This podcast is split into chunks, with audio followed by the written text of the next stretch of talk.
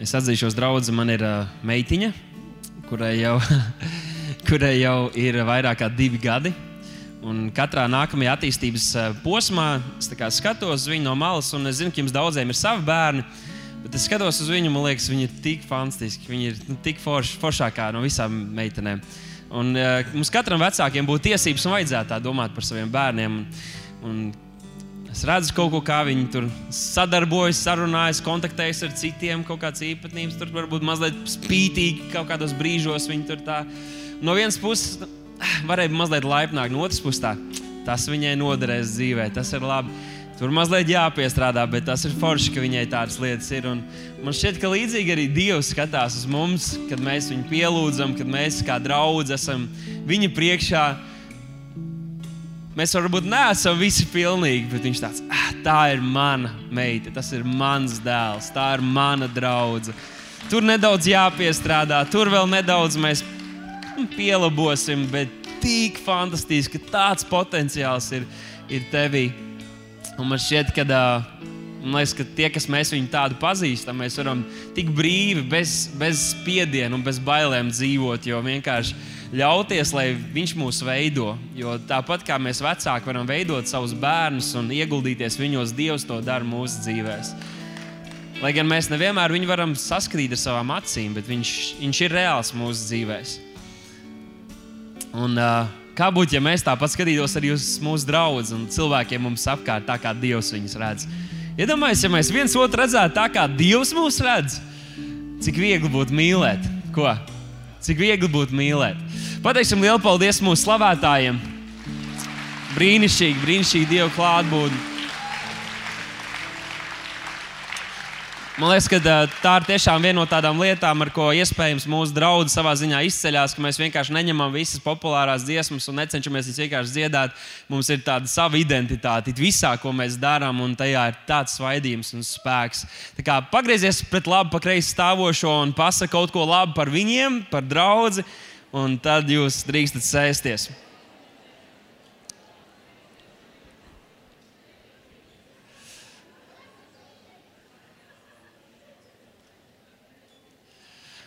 Jūs varat paņemt savas bībelītes un atvērt apakstuļu darbu 19. nodaļu. Un uh, apakstuļu darbu 19. nodaļā mēs lasām kādu notikumu, kur bija tādi kā burvi un uh, cilvēki, kas nodarbojās ar tirdzniecību, un viņi radīja un veidoja visādi veidi alku tēlus un piepelnījās no cilvēkiem, kuri savukārt pielūdz vai kultūras spiediena rezultātā, vai paši izvēloties, nu, pielūgt kādas dievības, pirka no viņiem šos tēlus, un viņiem bija labs bizness. Un, ziniet, tad, kad ienaidniekam notiek kaut kas labs un ienaidnieks kaut ko dara, tad pēc kāda laika nav ilgi jāgaida, ka tur ienāk gaisma, ka tur ienāk dievs tajās situācijās, lai visus ienaidnieku plānus sab sabojātu un viņam viss izgāstos. Un tāpat tas notika arī šeit, 19. nodaļā, jo tieši tajā vietā, tajā pilsētā uzrodas Pāvils un viņš sludina evaņģēliju. Viņš sludina par to, ka ir tikai viens dievs, viņš sludina par to, ka nav nekādas šīs elgdevības, tie visi ir maldi un meli, tie nevar jums palīdzēt, tikai vienīgi Kristus. Un visi šie, kas nodarbojās ar to biznesu, tas viņiem sāka bojāt dzīvi. Un tā nu viņi sapulcēja daudz cilvēku sev apkārt un teica, vai iesim pret Pāvilu, lai viņš vādas prom, viņš bojā mums dzīvi. Un tā nu liels ļaužu pulks sanāca viņi vērsās pret Pāvilu. Un es gribētu, lai mēs izlasām 19. nodaļas 32. pantu. Apstuļu darbi, 19. nodaļa, 32. pants. Un tur ir rakstīts, citi sauca šā, lasam skaļi Citi sauca šā, citi tā, jo sapulce bija izjukusi, un vairums nezināja, kādēļ bija sanākuši kopā. Tik daudz cilvēku sanāca, lai kaut kas tiktu izdarīts, bet lielākā daļa nenojauta, kāpēc mēs īsti esam un ko mēs īsti cenšamies panākt. Un līdz ar to šī sapulce bija izjukusi. Un šo ienaidnieku, evaņģēlīja ienaidnieku plāni neizdevās, jo viņiem nebija skaidrs, skaidra vīzija un mērķis, kas ir tas, ko viņi grib izdarīt. Un es gribu uzdot jautājumu, tagad, kad mēs tuvojamies mūsu draudzes 29. jubilejai. Vai mēs, draugi, vai mēs zinām, Kāpēc mēs sanākam kopā? Vai mēs zinām, kāpēc mums, kā kristiešiem, vispār ir vajadzīga draudzība? Jo mūsdienās mēs taču tik daudz dzirdam par to, kāds dievam brīnišķīgi plāni mūsu katra dzīvē un kas mums ir jāizdara mūsu dzīvē. Un, ja godīgi, es varu no rīta piecelties, pieslēgties tiešraidē mūsu draugai vai kādām citām draudzēm, paklausīties. Kāpēc man ir vajadzīga mana draudzene? Es centīšos šodien ļoti īsi atbildēt uz šo jautājumu, lai gan tā ir tēma, kas varētu aizņemt nākamos 30 gadus. Un tātad jautājums, kāpēc kristietim vajag draugu? Jo es pieņemu, ka arī mūsu vidū ir cilvēki, kas atnāk vienkārši tāpēc, ka viņiem patīk mūsu slavēšana. Jo nekur citur Latvijā tādu nevar dzirdēt. Nekur citur pasaulē nav tāds svaidījums un tāda dievu klātbūtne. Nu, ir tik daudz viesu, kas atbrauc no tik daudzām fantastiskām draudzēm, atbrauc šeit un saka, wow, te mēs jūtam, te ir kaut kas autentisks, te ir kaut kas reāls. Un tas ir slavu Dievam. Varētu būt, ka ir cilvēki, kas atbrauc dēļ tā. Ir kādi, kas atbrauc tāpēc, ka mums ir tik fantastiski mācītāji, tik daudz fantastiski kalpotāji, ir kādi. Nu, ja plaudēji, tad plaudēji kārtīgi. Es nezinu, ko lai saku.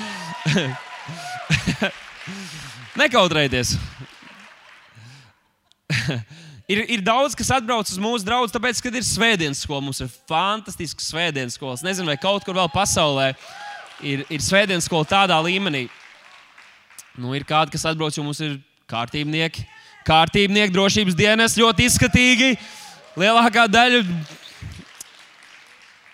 ir, ir dažādi iemesli, kādēļ cilvēki iespējams nāk un apmeklē šo draugu. Bet Vai, vai tas ir viss, vai tas ir vienīgais iemesls, kāpēc mēs esam šeit? Un es gribētu atsaukties uz raksturvietu, ko mācītājs jau pieminēja. Tas ir Mateja Evangelijas 16. nodaļā, kur Jēzus saka šādus fantastiskus vārdus. Uz, uz, uz, uz šo raksturvietu mēs arī balstīsim šodien šo īso sprediķu. Tātad lasīsim kopā. Jēzus saka, uz šīs klints es gribu celt savu draugu un elles vārtiem to nebūs uzvarēt. Un es tev došu debesu valstības atslēgas. Wow! Jēzus saka, es gribu celt savu draugu. Pirmā lieta, kam es gribētu pievērst uzmanību, ir tā, ka viņš ir pilnīgi sautīgs šajā brīdī, kad viņš to saka mācekļiem, kad viņš to saka kristiešiem visā pasaulē.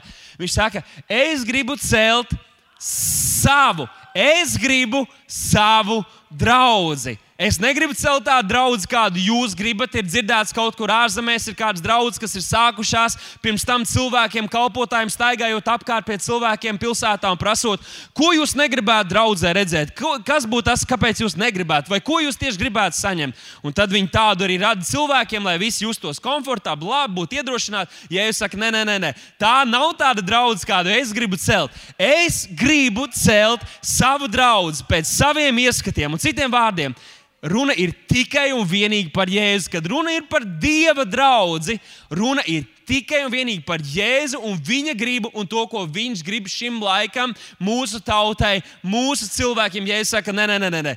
Tas ir mans plāns, un es to gribu izdarīt. Un tad viņš saka, ka nekas, pat Ēlas vārti, to nevarēs apturēt. Pilnīgi nekas, to skaitā tevi. Pasakādam savu blakus arī tevi. Ir kādi, kas domā, nē, es nedošu desmito, tad, eh, un, un eh, kādi saka, nē, es nekur nepielikšu roku, kādi saka, nē, es aiziešu uz citu draugu. Tad tā prieka vēsts lēnām nogrims. Klausieties, Jēzus teica, Ēlas vārta nevarēs stāvēt pretīm. Kur nu vēl tu? Ja tā ir Dieva draudzene, Neviens to nevar apturēt. Un ticiet man, mācītājs ir stāstījis par lietām, un notikumiem un uzbrukumiem, kuri centās iznīcināt šo draugu jau no paša sākuma. Viens no tiem bija tas, ka tad, kad šis nams tika celts, Ienaidnieks gribēja, lai tas tiktu celts uz mācītāja dēla asinīm, kur būtu miris arī es. Bet eņģeļi izglāba mani no nāves, drošas nāves, nams tika uzcelts un daudz citu brīnumu. Neviens nevar apturēt darbu, ko Dievs dara arī tu nevari. Un tā tad pirmais lielais punkts ir tas, ko jūs jau redzat, un izlasīsim to kopā. Pirmkārt, Jēzus ceļ savu draugu. Jēzus ceļ savu draugu. Bet kas ir draudzene? Mēs tagad visi ceļam draugu jau nu, divus gadus vai vairāk. Mēs ceļam šo jau ilgāk. Nu, tas katram, cik tā laika izjūta. Mēs ceļam draugu, vai, vai tas ir tas, ko Jēzus teica, jo klins un apakšā mums ir cieta pamatne, vai tas ir tas, par ko Jēzus runāja. Nē, Jēzus runāja par atklāsmi. Klins ir atklāsme par to, kas Jēzus Kristus ir. Un viņš teica, ka es ceļu savu draugu, un draudzene ir cilvēki. Draugi esam mēs. Šī ēka, kurā mēs esam, ir kristīgais centrs, prieka vēsts, bet draudzene prieka vēsts esam mēs visi kopā. Mēs esam draugi, ko Kristus ceļ. Un, ziniet, iespējams, ka ja mēs dzīvotu kaut kādās ļoti siltās zemēs, mums nevajadzētu šādas milzīgas ēkas, tāpat kā cilvēkiem, nu, ģimenēm, kas mēs cenšamies izdzīvot ziemu un citus gada laikapstākļus, kas notiek. Iespējams, ka mēs varētu tikties teltīs vai kaut kur pludmalē, bet tā kā mēs dzīvojam Latvijā, mums ir vajadzīga vieta, kur tikties lai ir silts, lai ir patīkami, lai kalpošanas var notikt, lai dieva darbs var izplasties. Un tāpēc Dievs mūs tā ir svētījis ar šo brīnumu, kurā mēs atrodamies. Bet Dieva draudzene ir cilvēki. Un šī vieta, kurā mēs atrodamies, ir tā piemetamā daļa, ko Dievs saka, dzenieties pēc Dieva valstības, ko mēs esam kā draugi darījuši. Un visas šīs lietas mums tiek piemestas. Iespējams, ka jūs esat dzirdējuši par draugiem un, un kristiešiem, kas arī ilgojas un vēlētos, lai viņiem kaut kas tāds būtu un lai Dievs viņiem dod. Bet mēs esam dzenušies pēc tā, lai mūsu tauta dzirdētu evaņģēlīju. Mēs esam dzenušies pēc Dieva valstības. Un tāpēc šis brīnums, kurā mēs atrodamies, ir tā piemetamā daļa daļa, un mēs to pieņemam Jēzus vārdā. Kad Bībelē runā par draugu, tad tiek lietots šis grieķu valodas vārds eklēzija. eklēzija. Un tur ir daudz dikti, kā varētu to skaidrot un ko tas īsti nozīmē, bet man patika viena no tādām definīcijām. Tas ir, ka pilsoņi, jeb debesu pilsoņi, tiek izsaukti ārā no savām mājām vai ikdienas, lai sapulcētos publiskā vietā pielūgt Dievu pilsoņi, debesu pilsoņi, mēs tiekam sapu, sasaukti, izsaukti no visur, kur mēs esam savā ikdienā, lai sanāktu kopā un publiskā vietā pagodinātu Dievu, vīriem paceļot svētas rokas un sievām pielūdzot Dievu kopā ar saviem bērniem un ģimenēm. Mēs visi sanākam šeit. Un tātad, ja tu gribi sēdēt mājās un jūties kā draugs, kaut kur viens pats dzīvojot, iespējams, kaut kas nav kārtībā ar tavu izpratni par to, ko Dievs Dievs dara pasaulē ar tavu izpratni par to, kas ir draudzene. Jo, nu, ko tu darīsi debesīs? Debesīs mēs tāpat visi būsim. Ja tu mūs nevari ciest šeit, ko tu darīsi mūžības ilgumā un garumā? Nu, mēs varam padomāt arī par Ādamu, kad Dievs radīja Ādamu. Dievs taču tur bija. Bet tad, kad Dievs skatījās uz Ādamu, viņš teica, nav labi cilvēkam būt vienam, lai gan viņam bija pieejama Dieva klātbūtne un sadraudzība. Un ir kādi individi, kas arī mūsdienās saka, nē, nē, man nevajag draugus, man nevajag citus kristiešus, es vienkārši baudu Dievu. Bet Dievs skatās uz viņu un saka, bet tev nav labi būt vienam. Tev nav labi būt vienam. Tu nevari, nevarēsi pastāvēt. Es gribu, lai tu vari piepildīt savu potenciālu, bet savu potenciālu tu vari piepildīt tikai tad, ja tu esi šādā dzīvā organismā, kuru Dievs sauc par savu draugu. Mēs neesam aicināti un mēs neesam paredzēti, lai mēs dzīvotu vienu lai mēs pielūgtu Dievu izolēti. Ir svarīgi, ka mums ir personīgas attiecības ar Dievu, tas ir viss pamatā, bet draudz ir tik, tik būtiski. Man patīk, kā laika atpakaļ mūsu Facebook lapā Līga ierakstīja uh, rakstu zem, uh, ierakstīja tādu uh, mazu uzrunu zem uh, raksta par mazajām grupām, un viņa rakstīja tā, ka viņa ir viens no tiem cilvēkiem, kuriem ļoti, ļoti vajag mazo grupu, un viņa uzskata, un ir simtprocentīgi pārliecināti, ka ikvienam tādu vajag, ka mums visiem ir vajadzīgs veids, kā šo lielo draugu mēs varam padarīt par personīgu vidi, kur mēs pazīstam viens otru, kur mēs lūdzam viens par otru, kur mēs stāvam viens par otru, kur mēs cīnāmies kopā.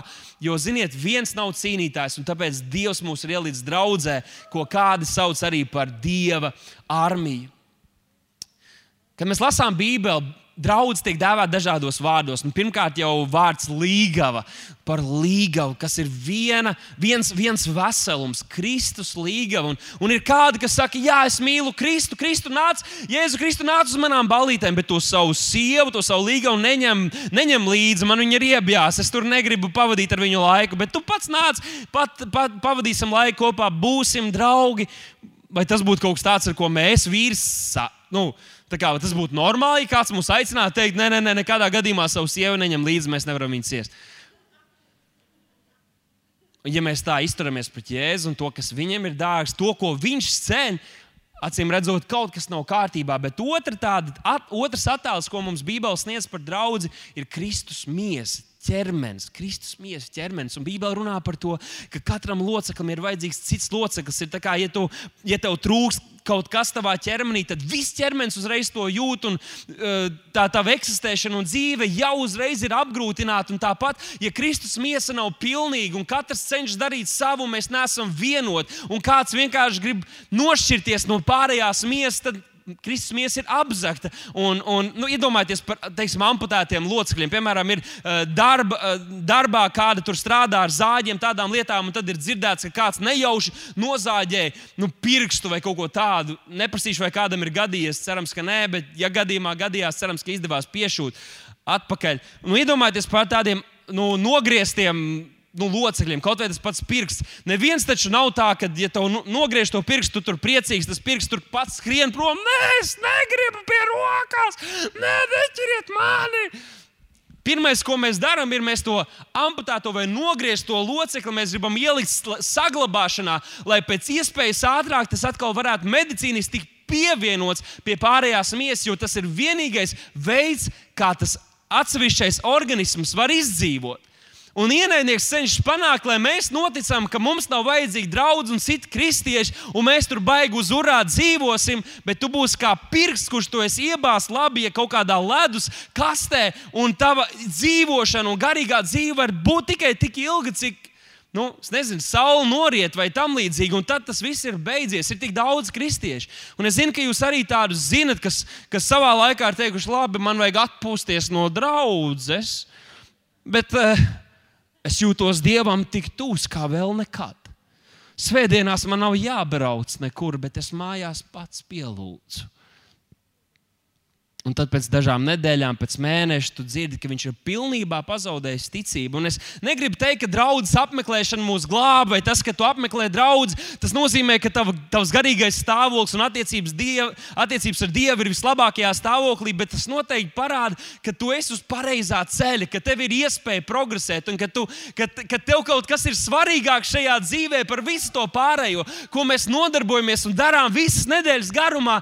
Tas, tie, tās reizes, kad mēs sanākam kopā ir tās reizes, kad mēs sakām, Dievs, jā, es varēju aizbraukt uz jūrmālu, es varēju aizbraukt tur un tur, bet es atkal gribu pateikt, ka tas, ko tu dari, un tu esi pats svarīgākais, un draudz, ko tu cel, es gribu līdzdarboties tajā. Jo tu nevari teikt, ka tu cel Dieva, eh, ka tu darbojies Dieva darbā, un ka Dievs tev lieto, ja tu necel draudz, ja draudze nav tā, kas tiek izplašās un kas tiek celt. Un ziniet, ko? Mēs uzcēlām namu, un ir tik daudz no jums, un varētu saukt vārdos, kas brīnumainos veidos veidos piedalījās tajā, lai tas notiktu. Bet ziniet, ko pasaule dzirdēs? Draudz to izdarīja, Dievs to izdarīja. Mēs tik daudz ko esam darījuši dažādās kalpošanās, savā pilsētā, palīdzējuši daudziem cilvēkiem. Bet, lai gan mēs šeit draudzē kādreiz uzslavējam kādu no mums, bet pa lielam, kas tiek pagodināts? Dievs. Un viņi redz draugu, viņi saka, wow, tas ir Dievs, kas to dara caur viņiem, jo viņi paši to nespētu.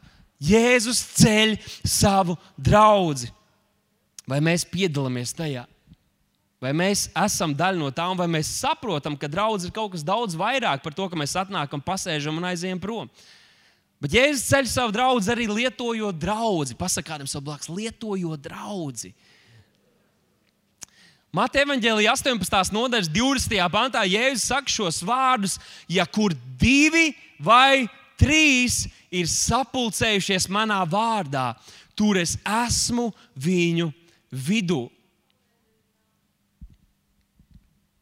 Ja es teicu, jums ir vajadzīgs personīgs laiks, personīgs brīdis, kur jūs ejat un pielūdzat Dievu, un Tēvs, kas redz slepenībā, viņš jums atmaksās publiski. Tas, ko jūs darat personīgi, privāti, tas publiski tiks uh, parādīts citiem, un Dievs jūs pagodinās. Bet tad, ja es teicu, bet īpaši brīnumi var notikt, un īpaši Dieva klātbūtne ir tajā, kad jūs sanāksiet kopā. Tad, kad es vairs nebūšu šeit, jo mācekļi vienmēr turējās kopā, pat tad, kad viņš viņus izsūtīja, viņš sūtīja par divi, par trīs kopā. Viņš teica, neiet vien, ejiet komandā, esat kopā.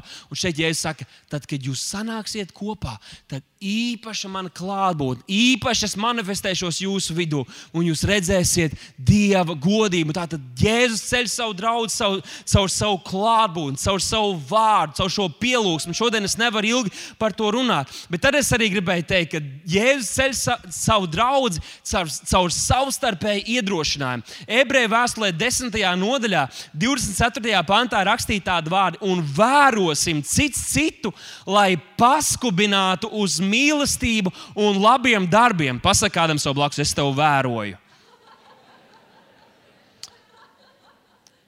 25. pāns. Neatstādami savas sapulces, kā daži paraduši, vērosim cits citu, paskubinot cits citu, darīt labus darbus, mīlēt. Kam šīs vēstules autors rakstīja šos vārdus? Vai tu vari aiziet uz savu darbu vietu, kur neticīgi cilvēkus apkārt un teikt, es tev vēroju, dara labu? Viņš tev teiks, atkāpies sātā.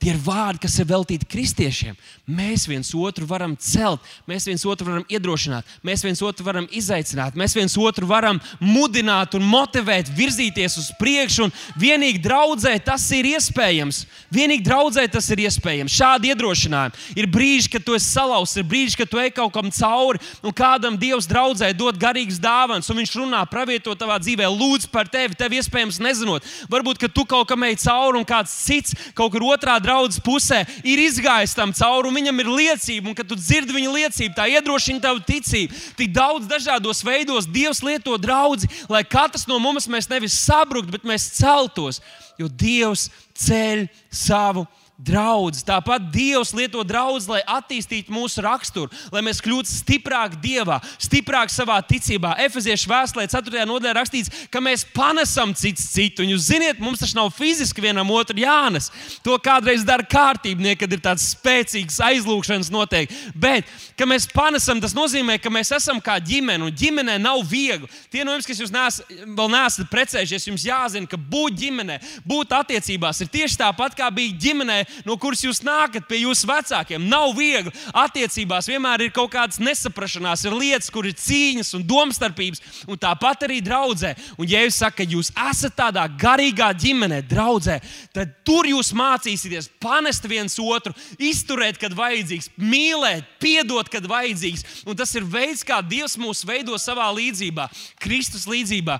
Man patīk, ka mums bija laulāto kursu, un tur Viena no tādām atslēgas domām, kas, kas man palikusi atmiņā, ir tā, ka, ka tur, viņi teica tā, ka laulība nav lai tev būtu labāk, bet lai tu kļūtu labāks. Tas ir mērķis, kādēļ Dievs ir radījis laulību. Nevis lai tev būtu labāk, nevis lai tu justos labāk, lai gan draudzē mēs bieži jūtamies labāk, bet draudzē mums ir dota, lai mēs kļūtu labāk, lai mēs varētu vairāk, lai mēs piepildītu savu aicinājumu, ko mēs visi tik ļoti vēlamies. Un tāpēc ļausim Dievam to darīt, ļausim Dievam īstenot savus plānus mūsu dzīvēm. Un tad jāsaka arī, ka tas, ka Dievs draudzē ir iecēlis garīgas autoritātes, ir iecēlis kalpotājs, kuri savā ziņā iet pa priekšu, un līdzīgi kā Pāvils saka, sekojiet man, kas dalās ar vārdu, kas kalpo, kas vada. Un tas, ka mēs padodamies šādām autoritātēm, kas ir saskaņā ar Dieva vārdu, tas pagodina Dievu un tas ir par svētību katram no mums. Kad mēs meklējam padomu arī pie garīgām autoritātēm, un kādreiz tas nesaskan ar mūsu viedokli, bet mēs, eh, mēs izvēlamies paklausīt paklausīt Dieva ieceltām autoritātēm, nevis rīkoties pēc savas gribas, tas pagodina Dievu un tas atnes svētību.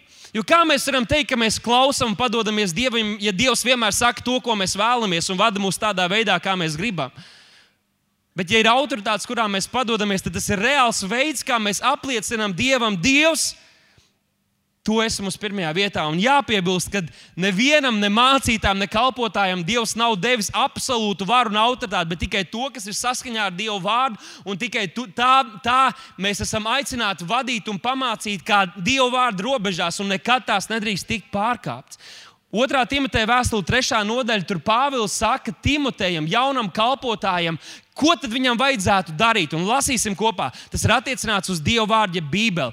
Visi šie rakstāti, viss, ko mēs atrodam Bībelē, ir Dieva iedvesti vai iedvesmoti un ir noderīgi Kāds varētu domāt, nu, tikai iedrošināšanai es atnāku, lai es esmu iedrošināts, lai esmu priecīgs aiziet, bet klausieties, ir noderīgi mācībai, vainas pierādīšanai, labošanai, audzināšanai taisnībā, lai Dieva cilvēks būtu pilnīgs, sagatavots katram labam darbam. Tātad tas, ko mēs darām draudzē, un tas, kas notiek dažādās kalpošanās, un arī tas, ko veids mācītājs, līderis šeit draudzē, tas tiek darīts, un, un Dievs to lieto, lai mēs tiktu sagatavoti un kļūtu būtu pilnīgi Kristum līdzīgi. Bet es gribu pievērst uzmanību šajā vietā noderīgi mācībai, vainas pierādīšanai, labošanai, audzināšanai taisnībā. Ja mēs lasām apakstu darbus, tad ļoti bieži, kad draudzē starp cilvēkiem izcēlās kaut kādas domstarpības, viņi nevērsās pie tiesas, viņi negāja tur uz, uz, uz, uz tā laika kaut kādām institūcijām. Tas tika nokārtots draudzē. Jo mums, kristiešiem, kas mēs esam devuši savas dzīves dievam, augstākā autoritāte ir nevis tas, ko valdība saka, bet tas, ko dieva vārds saka. Un man šķiet, nu, man šķiet, ka tas tik skaisti parāda arī šajā vietā, ka mums būtu jābūt gataviem, un tāpēc mēs nākam uz draugu. Jo, ja mēs iesim tikai uz draugu un būsim kopā ar cilvēkiem, kuri mums neliks justies nekomfortabli mūsu grēkos, un kļūdās un krišanās, tad Un ne jau, ka mēs aicinām šeit, lai visi viens otru nosoda, bet tas, ka mums būtu jābūt tiem, kas mēs sakām, ok, tas nebija pareizi, bet lūk, kā tu vari tikt galā. Reku, lūksim kopā ar tevi, es ticēšu kopā ar tevi un tev izdosies. Tas ir kaut kas, ko Dievs grib lietot draugi, lai mēs visi celtos. Tāpēc neizolē sevi no kristiešiem, kuri tev liek justies reizēm nekomfortabli, bet pārsvarā iedrošina un ceļ. Otrakārt, tas liel, otrs lielais punkts ir, ka Jēzus darbojas caur savu draugu. Tātad, pirmkārt, Jēzus ceļ savu draugu, pasakā skaļi, Jēzus ceļ savu draugu, un otrkārt, Jēzus darbojas caur savu draugu. Mateja Vangelijas 16. nodaļā mēs lasījām, ka Jēzus saka, Elles vārtiem to nebūs uzvarēt. Un ko mums šī raksturvieta pateica? Elles vārtiem to nebūs uzvarēt. Elles vārti. Tātad Elle un ienaidnieks ir aizsardzības pozīcijās. Mēs, Dieva draugi, esam tie, kas mēs ejam un iznīcinām vēlna darbus. Mums nav jādzīvo bailēs, Mums nav jādzīvo gaidot, ka tagad vēlams atkal mums uzbruks, jo Jēzus teica, ka draudzene ir tas spēks, kam pretī nevarēs stāvēt ēlas vārti. Tātad vēlns ir kaut kādas savus žogus un sētas nospraudis mūsu sabiedrībā, varbūt kaut kur arī mūsu ģimenēs un, un, un, un dzīvēs, kur tā kā, ok, šī teritorija ir mana un te tu vienmēr kritīs. Bet Dieva spēkā mēs sakam, nē, ēlas vārta nevar stāvēt pretī. Tāpēc līdz ar draugu un ar draugu svaidījumu mēs ejam un mēs atgūstam visas šīs teritorijas, kur, kā Dievs teica Jozovā, kur tu liksi savas kājas kāju pēdas, es tev došu to zemi. Un tāpēc mēs draugi nesam aicināti sēdēt un baidīties, kad vēlams nāks pie mums. Nē, mēs ejam pie viņa, jo viņš ir tas, kurš bēg, ne jau mēs. Viņš ir tas, kuram ir jābaidās. Viņš ir tas, kuram nav zobi. Viņš ir tas, kurš ir atmaskots. Viņš ir tas, kurš ir atbruņots. Un mēs esam apbruņoti ar dieva garu ieročiem. Tāpēc mēs ejam dieva vārdu spēkā un autoritātē uzvarēt uzvarēt. Un tas ir tas, ko dara draugs. Tas ir tas, ko mēs kā draugi darām. Jūs tik daudz esat dzirdējis liecības, kad ir e, mūsu vidū cilvēki, kas, kas ir bijuši grūtā brīdī. Mēs pavisam nesen dzirdējām arī liecību šeit no platformas, kas teica, es biju salauzts, un tad draugi sāka lūgt. Tad es atnācu uz dievkalpojumu un es saņēmu jaunu spēku. Jo, zini, ir, ir cita lieta, ja tu esi viens pats, bet otra lieta ir, ja tev blakus visapkārt ir cilvēki, un tu jūti, ka tu neesi viens, ka Dievs ir ar tevi, ka ticīgi ja tevi tur savā ticības lūkšanā lūgšanās. Tas ir tik milzīgs spēks. Mateja Vangelī 28. nodaļā Jēzus teica, ejiet un dariet par mācekļiem visas tautas. Misija, māceklība, mīlestība tas ir tas, ko Dievs dara caur savu draugu.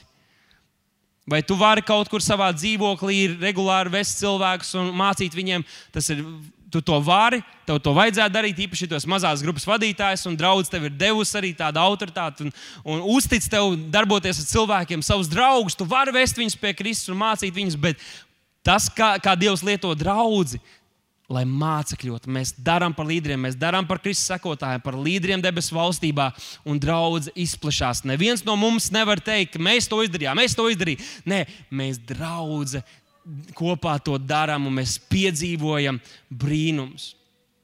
Lai tu piepildītu savu šo, lai tu piedalītos Dieva darbā uz zemes, tev ir jābūt daļai no draudzes. Un es šodien aicinu daudz no mums, kas varbūt esam pazaudējuši to deksmi un mīlestību par Dieva draugu, ko Kristus tik ļoti ir mīlējis, no jauna atrast un meklēt šo skatījumu par to, kas tad ir draugs un kādu pievienoto vērtību mūsu kristiešu dzīvē tā dod. Dievs piepilda arī ļoti daudz no saviem, saviem apsolījumiem tieši caur draugu, ko mēs katrs personīgi un individuāli nevarētu.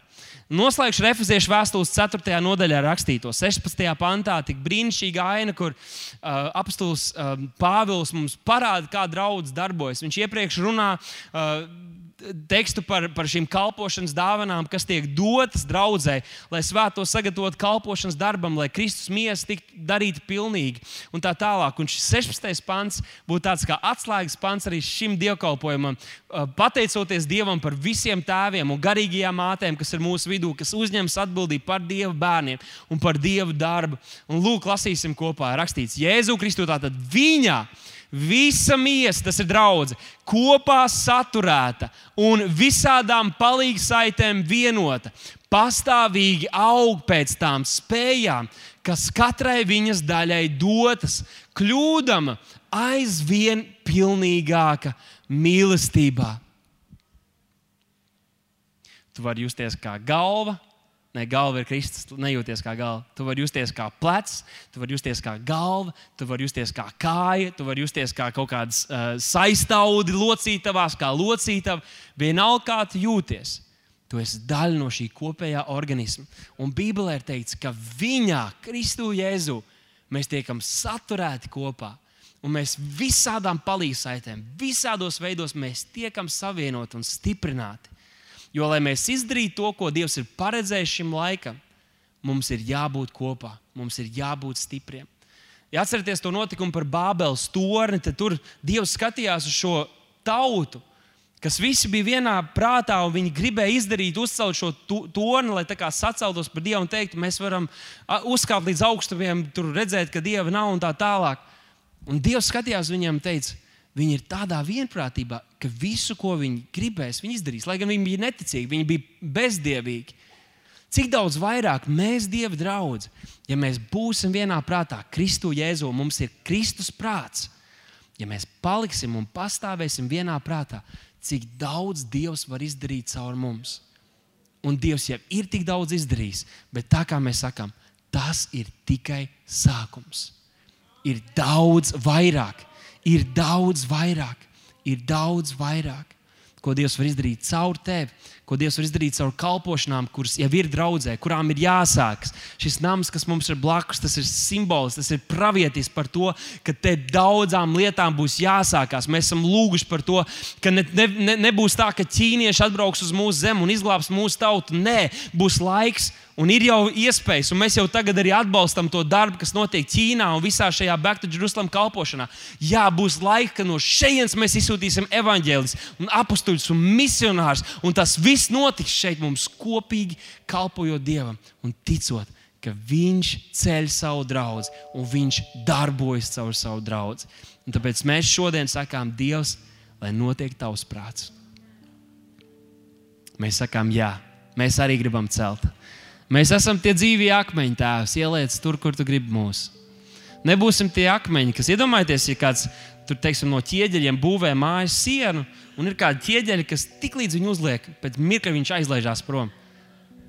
Ko var tādā veidā uzcelt? Varbūt kādiem no jums tiešām tā ir, ka jūs kaut ko saliekat un visu laiku tur gāžās. Visu, bet, bet Jēzus ir labākais meistars. Ja kāds tiešām māca, prot celt ēkas un draugus, tas ir viņš. Tāpēc, ja mēs uzticamies viņam, mēs esam drošās rokās. Es dzīvais akmens, kas tu kalpo un nodod savu dzīvi viņam.